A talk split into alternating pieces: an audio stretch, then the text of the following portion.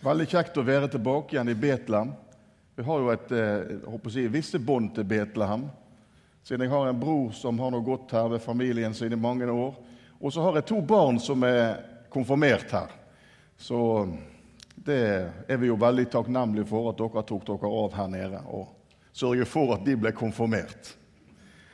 Nå har jeg en liten datter igjen på syv år. og Hun eh, har ikke tenkt å konfirmere seg helt ennå. Men nå blir vel jeg kanskje ute i Øygarden istedenfor, eller ute på Sotra i alle fall. Så det er litt nærmere. Men det som jeg skal altså snakke om jeg, Det jeg fikk i oppdrag å snakke om, det var jo egentlig at jeg skulle snakke litt om det som skjedde ute, inn, ute i Indre Isaglen. Men så må jeg jo nesten knytte noen eh, bibelske tanker til dette, da, det som har skjedd ute i Indre. Og Derfor tenkte jeg at det som var veldig veldig klar for meg eh, jeg måtte snakke om det, det var bønn. Bønnen åpner opp for Gud. Så i Jesu navn så bare fortsetter vi å legge denne stunden i Guds hender. Vi ber om Den hellige ånds nærvær, veiledning og kraft. Jeg ber om hjelp til å formidle, og jeg ber om at forsamlingen får hjelp til å lytte og ta imot. Vi ber om en velsignet stund fortsatt i Jesu navn. Amen. Jeg begynner bare med et lite sitat fra Marie Monsen. Hun har alle hørt om, regner jeg med. Kinamisjonæren Marie Monsen. Hun skriver det Bønnetjenesten er av alt vårt kristelige arbeid, både her hjemme og ute på misjonsmarken, blitt skjøvet ut i periferien. Og det er veldig sant. Er det noe som vi har lett for å liksom skyve ut litt til siden, så er det bønn. De møtene som er minst besøkt, er bønnemøtene. Bibelen sier Apostelen Paulus holder fram i 1. Timoteus, kapittel 2. Så sier han framfor alle ting formaner jeg derfor til at det blir gjort bønner, påkallelser, forbønner og takk for alle mennesker. Hvorfor? Jo, for Gud vil at alle mennesker skal bli frelst og lære Jesus å kjenne. Derfor han sier det at det som er viktig fremfor alle ting når det gjelder å nå nye mennesker med evangeliet, så er det å be. Så er det å søke Herren, så er det å løfte dem fram i bønn. Bønn er med å åpne opp for Guds rike i forsamlingen, i våre liv, i andre menneskers liv. Bønn er alfa og omega, skal Guds rike gå fram. Og Gud han lønner dem som søker ham, står det i Hebreabrevet 11,6. Vi leser om vår Mester og Herre i Lukas 5, 16. Men selv trakk han seg ofte tilbake til øde steder og ba. Men selv trakk han seg ofte tilbake til øde steder og ba. Jesus han trengte å være i bønn og gå avsides for å være sammen med sin far og motta ifra han. Vi leser videre i kapittel 6 i Lukasevangeliet, vers 12 og vers 13. I disse dager skjedde det at han gikk opp i fjellet for å be og han ble der hele natten i bønn. Og han ble der hele natten i bønn til Gud. Da det ble dag, kalte han til seg sine disipler, og av dem valgte han ut tolv, som han også kalte apostler. Jesus han brukte mye tid i bønn. Og Her brukte han altså en hel natt i bønn før han skulle velge ut de tolv apostlene, før han skulle gjøre viktige valg og ta viktige beslutninger. Før han skulle holde den berømte slettepreken som vi ser i fortsettelsen her, og helbrede tusenvis av mennesker. For det ser vi i de påfølgende versene her i Lukas 6.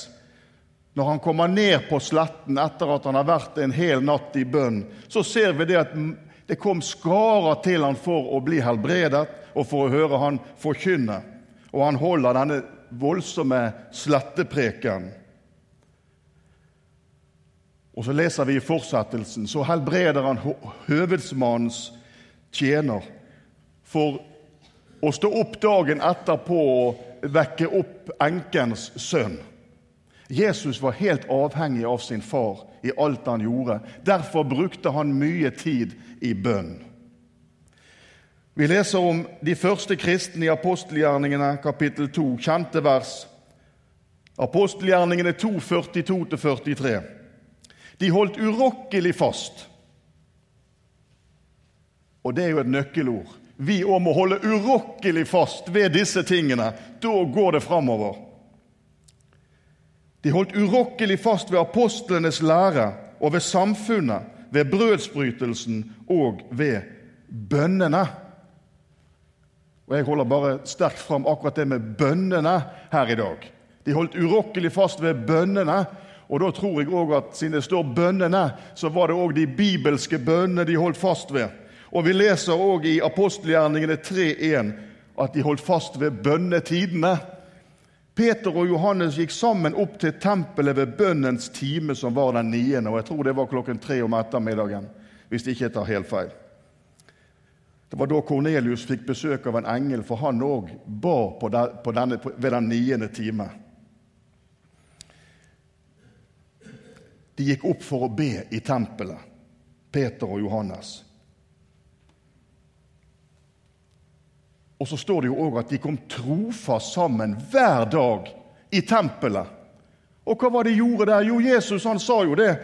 Mitt hus skal være et bønnens hus. Så jeg tror noe av det de først og fremst gjorde når de kom sammen i tempelet, så var det å be, og de ba de bibelske bønnene.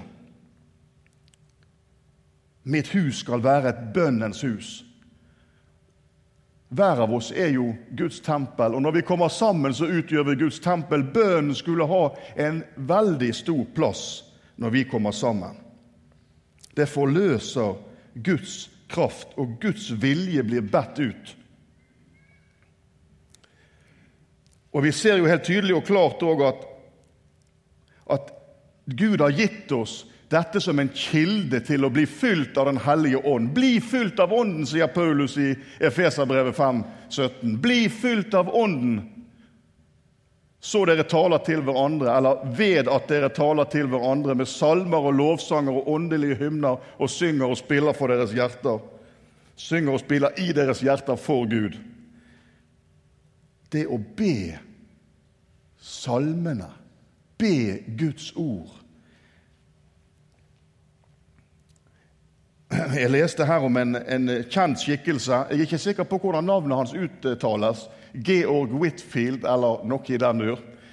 Han var en av de store forkynnerne under den første store vekkelsen i England og i de amerikanske koloniene på 1730- 40-tallet. Så det er jo en stund siden. Men det står om han at han disippelgjorde seg sjøl, slik som mange andre før han har gjort, ved å be Bibelen.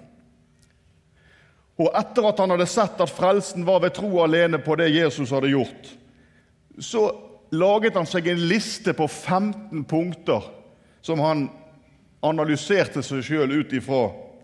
Og tre av de første punktene de skal jeg bare lese her nå. Det første spørsmålet han stilte seg sjøl, har jeg vært brennende i personlig bønn?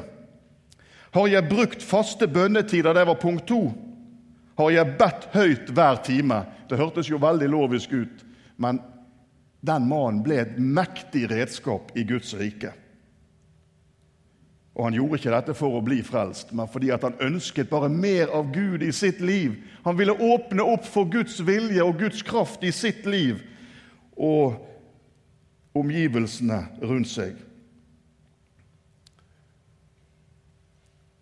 Og det er ingen tvil om og Det står òg i dagbøkene til han Georg Whitfield at han holdt urokkelig fast ved de fastsatte bønnetidene morgen, middag og kveld.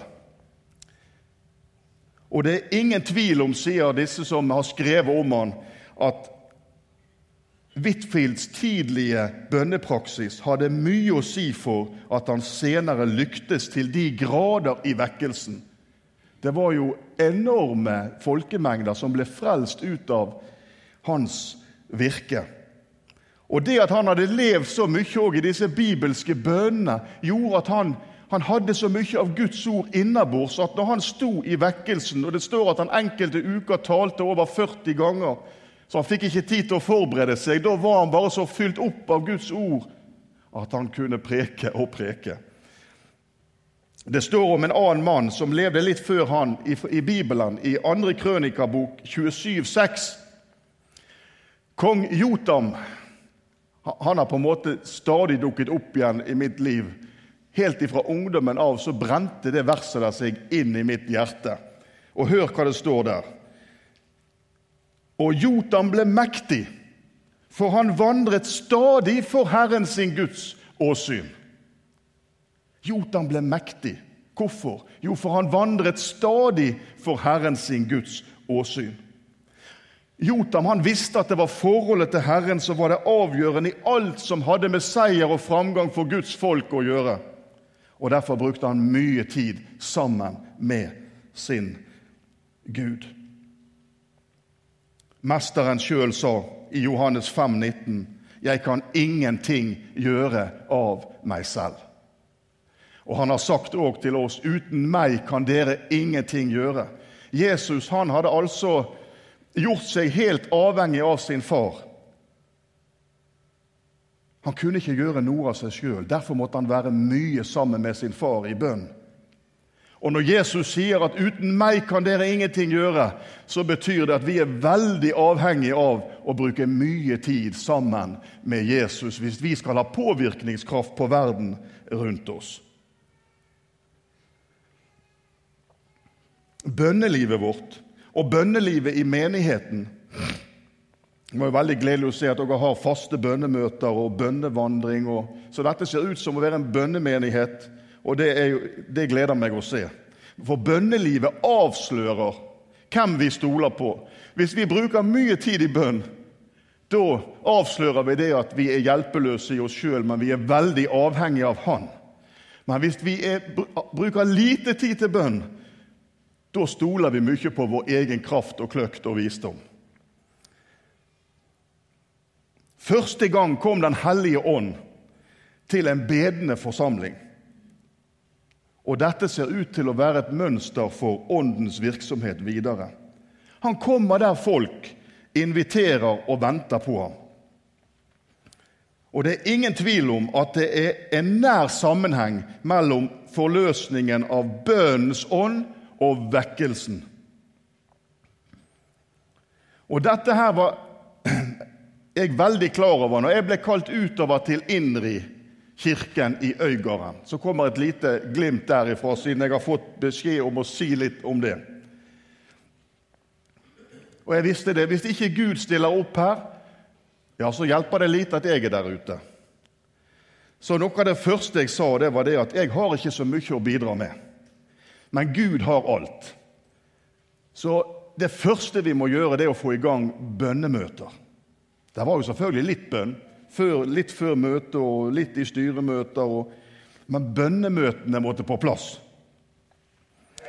Det første tillyste bønnemøtet som vi hadde der ute, da kom det én utenom meg sjøl. Han kom sigende inn litt etter det var begynt. Men han opplevde det så sterkt og godt å være på bønnemøtet at han snakket så varmt om det til alle andre, så neste gang da var vi dobbelt så mange. Og nå, et, og et halvt år etterpå, så er vi vel en gjennomsnittlig 15 stykker, det har jo mange ganger vært over 20, som er på bønnemøtene. Og vi opplever det veldig godt å være, være sammen der på bønnemøtene. Stadig nye kommer til. Og det er etter at vi kom i gang med disse bønnemøtene, at ting begynte å skje ute i Indri. Det er sikkert ikke så mange som har hørt om Indri-kirken engang. Langt ute i Øygarden i havgapet. Men vi har opplevd det at mennesker har, blitt, har begynt å bli frelst i gudstjenestene, på bønnemøtene, på Senterkafeen, som jeg skal si litt mer om, Omsorgssenteret og ungdomsklubben. Det er bare 14 dager siden så var det fire ungdommer som tok imot Jesus på, på ungdomsklubben Refuel der ute. Så vi opplever det at det er en større åndskraft over det som skjer, over forkynnelsen. Det er jo det som skjer. Vi åpner opp for at Gud kan få virke.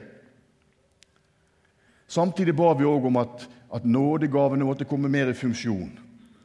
Og vi har bedt mye den bønnen òg i bønnemøtene. Gud, som apostlene ba, apostolisk bønn. Gud, gi oss frimodighet ved at du rekker din hånd ut, så helbredelser, tegn og under skjer ved din hellige tjener Jesu navn. Så har vi opplevd at Gud har besvart den bønnen òg. Vi har opplevd at mennesker er blitt møtt til helbredelse, både på bønnemøter, under de vanlige gudstjenestene, og på, vi har hatt egne seminarer der vi òg har hatt oppe emnet 'helbredelse i Bibelens lys'. Og det er en del mennesker som har vitnet om at de har opplevd Guds inngrep. Jeg bare holder fram ett vitnesbyrd fra en dame på 50 år. Hun er fra Filippinene. Hun ble helbredet. Hun hadde en hjertefeil, en hjerteklaff, som ikke fungerte helt.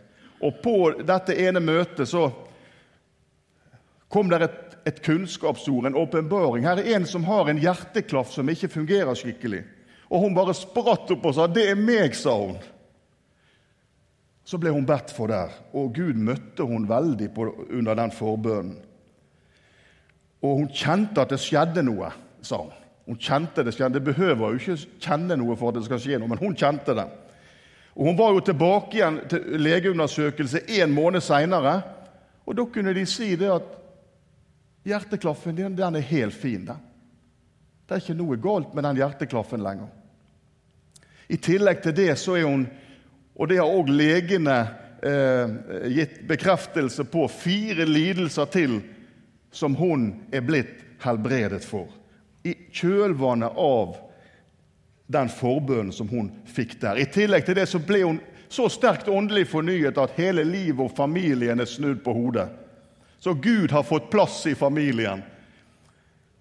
Faste bønne- og bibelstunder for familien hver eneste dag, sier hun. Så det har skjedd underfulle ting i kjølvannet av at hun opplevde den helbredelsen. En annen mann der ute hadde òg et hjerteproblem som er lege. Han har stått fram og vitnet om det var en sånn pulsåre mellom hjertet og lungen som hadde utvidet seg veldig mye, og han var veldig mye dårlig. Og han ble bedt for der ute. Og det er mange som er med og ber. Og til, hva har vært nye undersøkelser, da hadde altså denne pulsåren Det er jo helt mot normalen. Da hadde den altså krympet igjen med 1,6 cm. Og nå fungerer han helt fint. Han har ingen problemer lenger. Gud har grepet inn. En venn av meg som har hatt leddgikt i 35 år, han har vært så plaget. Han var med nå 28. Eh, august nå som var, så var han med på et sånt seminar vi hadde. Og å si, En helt vanlig mann gikk bort og ba for han. Og han sa til konen når de reiste hjem De bor i Åsane. Nå kan vi bare begynne å takke. Så han kunne si til legen sin nå kan du bare slutte å gi meg medisiner imot denne lidelsen. Gud grep inn. Vi har opplevd at kreft, hjertelidelser, allergier, nakker, rygger, fordøyelsesbesværligheter har forsvunnet under forbønn. Og To personer har også vitnet om at mens de satt både under forkynnelsen eller under lovsangen, så har de vitnet om at de, Gud grep inn og de fikk oppleve helbredelse. Men det er jo ikke så underlig at det skjer, når vi tenker på at ett av Guds navn er jo 'Jeg er Herren din lege', eller 'Jeg er Herren som helbreder deg'. Det er jo ett av Guds navn. Og alle disse Guds navn de er jo, finner vi jo igjen i Jesus. Han er jo alt det som Gud er og han er i ham er alle Guds, har alle Guds løfter fått sin oppfyllelse. Så mange som Guds løfter er, i ham har de fått sitt ja. Det er jo en del som sier at ja, ja, men det er ennå ikke noen som er reist opp fra rullestolen, eller helt dødelige som er blitt friske. Så dette her er ikke noe å snakke om. Men det er utrolig stort for de som opplever å bli kvitt en slik lidelse om plage. Og Gud sier òg at er vi tro i det små, så skal Han sette oss over mye. Så det gjelder bare å være tro. Vi bare fortsetter. Og noe som er blitt klart, veldig klart for oss, det er det jo flere vi ber for, jo flere blir helbredet. Hvis vi ikke ber for noen, så er det ingen som blir helbredet. Og Noe av det som vi kjente ble lagt inn over oss, det var det at vi skulle hatt et rom, et sted, der vi kunne invitere folk som ikke til vanlig går på møter, og inn der de kunne få forbønn. Så vi har startet opp noe som vi kaller for forbønnsrommet. Der mennesker som har forskjellige sykdommer, kan komme, plager og bli bedt for. Vi, vi, tenkte at det ville være i tråd med Jesu liv og virke. For, folk de oppsøkte Jesus for å bli helbredet, for å få hjelp. Så her har de en mulighet, et sted de kan komme og oppsøke og få forbønn i Jesu navn. Og så har jo Jesus sagt at den som tror på meg, han skal også gjøre de gjerninger jeg gjør. Så da vi har vi prøvd å tilrettelegge for at det kan skje. Og òg her har vi fått mange tilbakemeldinger på. Det er ikke så lenge vi har holdt på med det. Vi hadde siste forbønnsrom i går. Vi hadde én gang i måneden. Ti til tolv om lørdag formiddag, og vi hadde det senest i går. Og da, og da var det en av de som var der, som vitnet om at hun opplevde at Gud grep inn. Og hun skrev på Facebook etterpå at hun var blitt sterkt velsignet den dagen. Hun var så takknemlig. En annen skrev på Facebook det at det var en gang tidligere at å, det var så fantastisk. Nå har jeg kunnet sitte på jobben uten å ha smerter i ryggen. Det var så stort. Da hadde han hatt smerter i ryggen i over to måneder. så er det sånn at folk kan komme inn på dette forbundsrommet. Det er jo hele dette lokalet, for vi flyttet jo hele menigheten fra Rogn bedehus opp på senteret. Først fikk vi ha en senterkafé, en sangkafé oppe på Rong senter. Der fikk vi låne et rom helt gratis. Fikk, får vi sitte og synge der. Vi, vi serverer kaffe og vafler, så det må jo være en del folk i sving. Og så sitter vi og synger og vitner og forkynner evangeliet. Og mange kirkefremmede kommer der. Det er blitt på en måte en egen menighet som kommer på denne senterkafeen. Mennesker har blitt frelst der. Men så var det da et par stykker i, i forsamlingen som fikk eh, en tanke. En fikk faktisk en drøm som hun hadde flere ganger etter hverandre. Og en annen fikk tanken om at vi skulle ikke overtatt den kafeen oppe på senteret. De drev en kafé som var gått inn, som ikke var liv laga lenger. Og så sier han dette på et styremøte, og så sier hun wow. Jeg sa til Gud at hvis det var en som sa dette her i dag på styremøtet, da skal jeg fortelle hva drøm jeg har hatt. Og så fortalte hun det om at hun hadde hatt en drøm om at vi skulle opp på senteret. Og Så spør vi senterledelsen der om vi kan få begynne å starte opp den kafeen. Og så ender det opp med det at vi da òg får et lokale der vi kan ha menigheten, ett lokale til å ha gjenbruksbutikk. Og nå har vi òg fått et rom i kjelleren der vi kan ha til barnearbeid. Det får vi låne helt vederlagsfritt.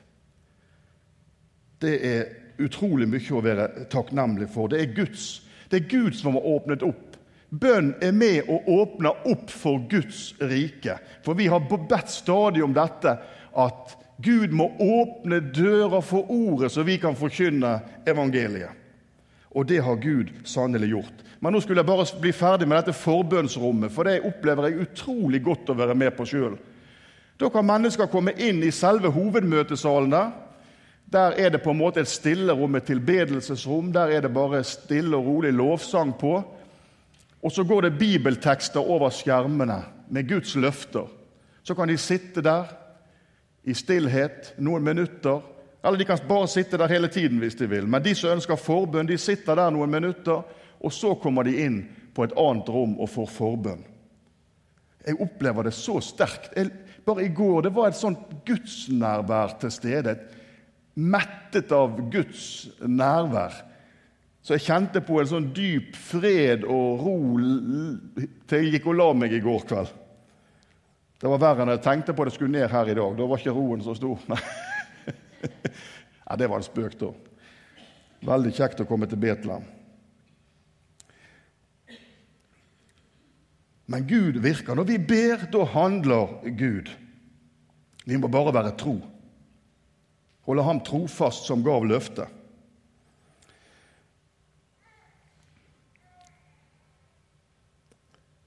Vi har bedt om arbeidere, som Jesus sier. Be høstens herre å drive arbeidere ut til sin høst.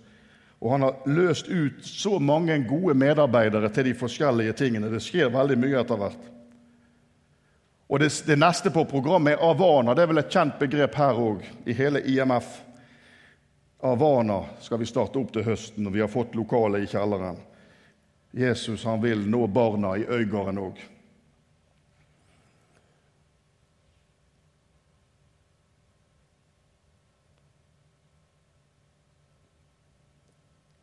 Apostelgjerningene 4.31. Og da de hadde bedt, skalv stedet der de var samlet, og de ble alle fylt med Den hellige ånd. Og de talte Guds ord med frimodighet. Altså Her er det akkurat som Gud sier. Skjønner dere ikke hvor viktig bønn er?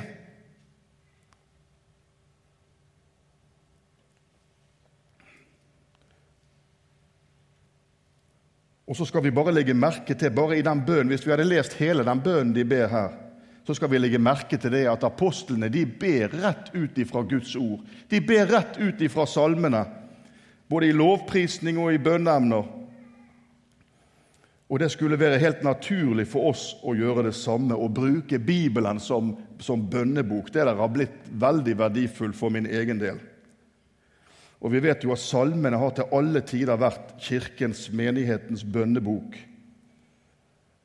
Vi vet at vi ber etter Guds vilje når vi ber Guds ord. Og jeg opplever at de apostoliske bønnene de er så givende å be. De er bare mettet av Guds visdom og, og kraft. De handler jo veldig mye om at vi skal lyse klarere, vi som er Guds folk. At vi skal få visdom, at vi skal få kraft, at vi skal bli, få frukt i våre liv, sånn at vi lyser klarere, kan bære mer frukt og være mer til behag for Herren. Jeg bare tar med et par av disse bibelske bønnene. En bønn som vi har bedt mye ute i Indri. 2. Tessalonika-brev 1, 11-12. Bare ta med litt av den. Derfor ber vi også alltid for dere, sa Paulus, at han må fylle dere med all lyst til det gode og med kraft til troens gjerning.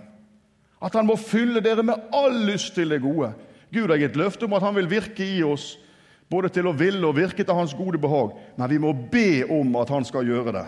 At han skal fylle oss med all lyst til det gode og med kraft til troens gjerning. For det er ikke en selvsagt ting at vi vil. Vi ber om det. Så kommer Han med sin ånd og skaper lysten i oss til å gå inn og ofre mer for Guds rike sak. Vi kunne tatt for oss mange av disse bønnene, men, men jeg ser jo det at tiden den går fort i godt selskap. Og Dere er sikkert trøtt siden dere fikk sove én time mindre i natt. Er ikke det sant? det? Ja, dere ser uforskammet sprek ut for å få sove så lite i natt.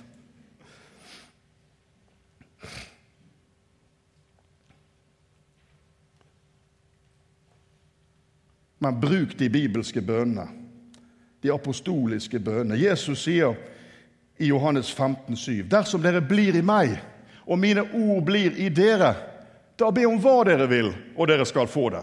Da ber vi Guds ord. Vi ber Guds vilje. Og da har han lovt at de bønnene, de får svar. Jakob sier i 4, kapittel 4, vers 2-3.: Dere har ikke fordi dere ikke ber. Så det kan være én årsak til at ikke vi får bønnesvar, at vi ikke ber.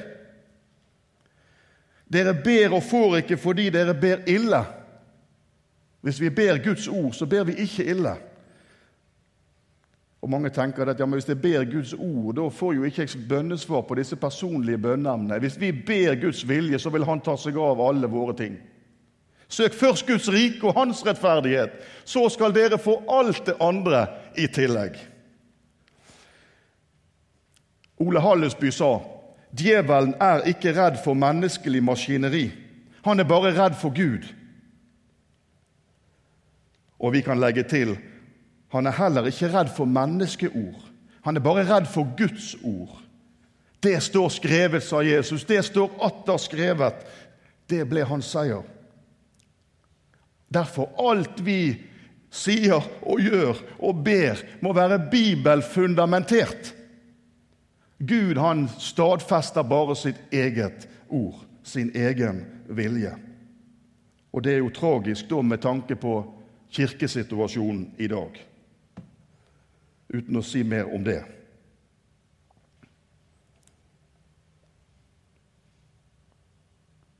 Nå husker ikke jeg når jeg begynte, Marit. Har jeg brukt opp tiden min? Er det på en halvtime nå? Da har jeg altså brukt tiden opp. Får jeg litt til? Det er ikke mye jeg har igjen, så det, skal gå ganske fort. Tre kvarter til, så er vi ferdig. Det det, det er, ikke greit å være predikant. Du har alltid en kamp med den klokken. Mange undret seg over den store voksteren og den stadige pågående vekkelsen i menigheten til Charles Hudden Spurgeon, som levde fra 1834 til 1892. Var pastor borte i London. Og de, de som kom på besøk til han for å se hva er det som er hemmeligheten her i denne menigheten, da tok han de med ned i kjelleren. Og der var det alltid mennesker på, på kne i inderlig bønn til Gud. Her er denne menighetens kraftstasjon, sa Spurgeon. Og Han ga òg bønnen ære for at det ikke hadde vært splittelse i menigheten alle de årene han hadde vært der som pastor. Bønn er mektige saker. Alt det to av dere på jorden blir enige å be om. Og det ble gjort inderlig bønn til Gud for Peter når han satt i fengsel. Det førte til englebesøk, inderlig bønn til Gud. Guds krefter ble forløst, lenker falt av, døra åpnet seg. Vi må bare ha med dette her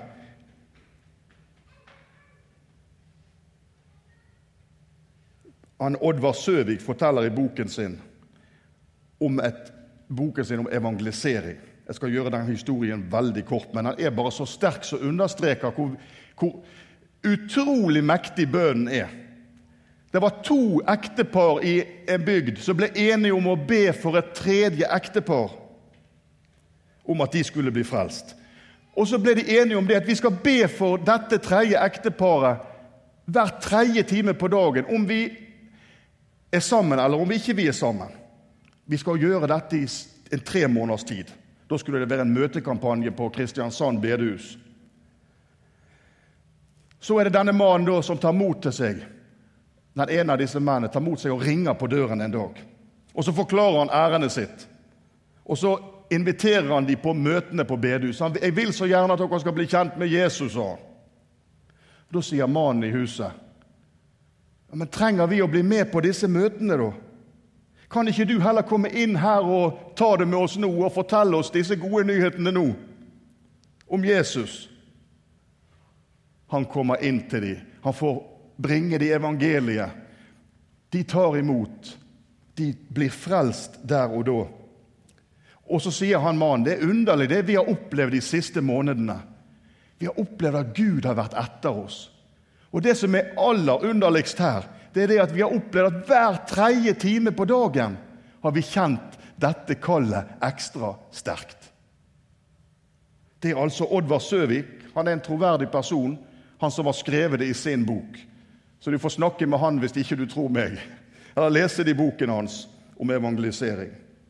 Det er kraft i bønn.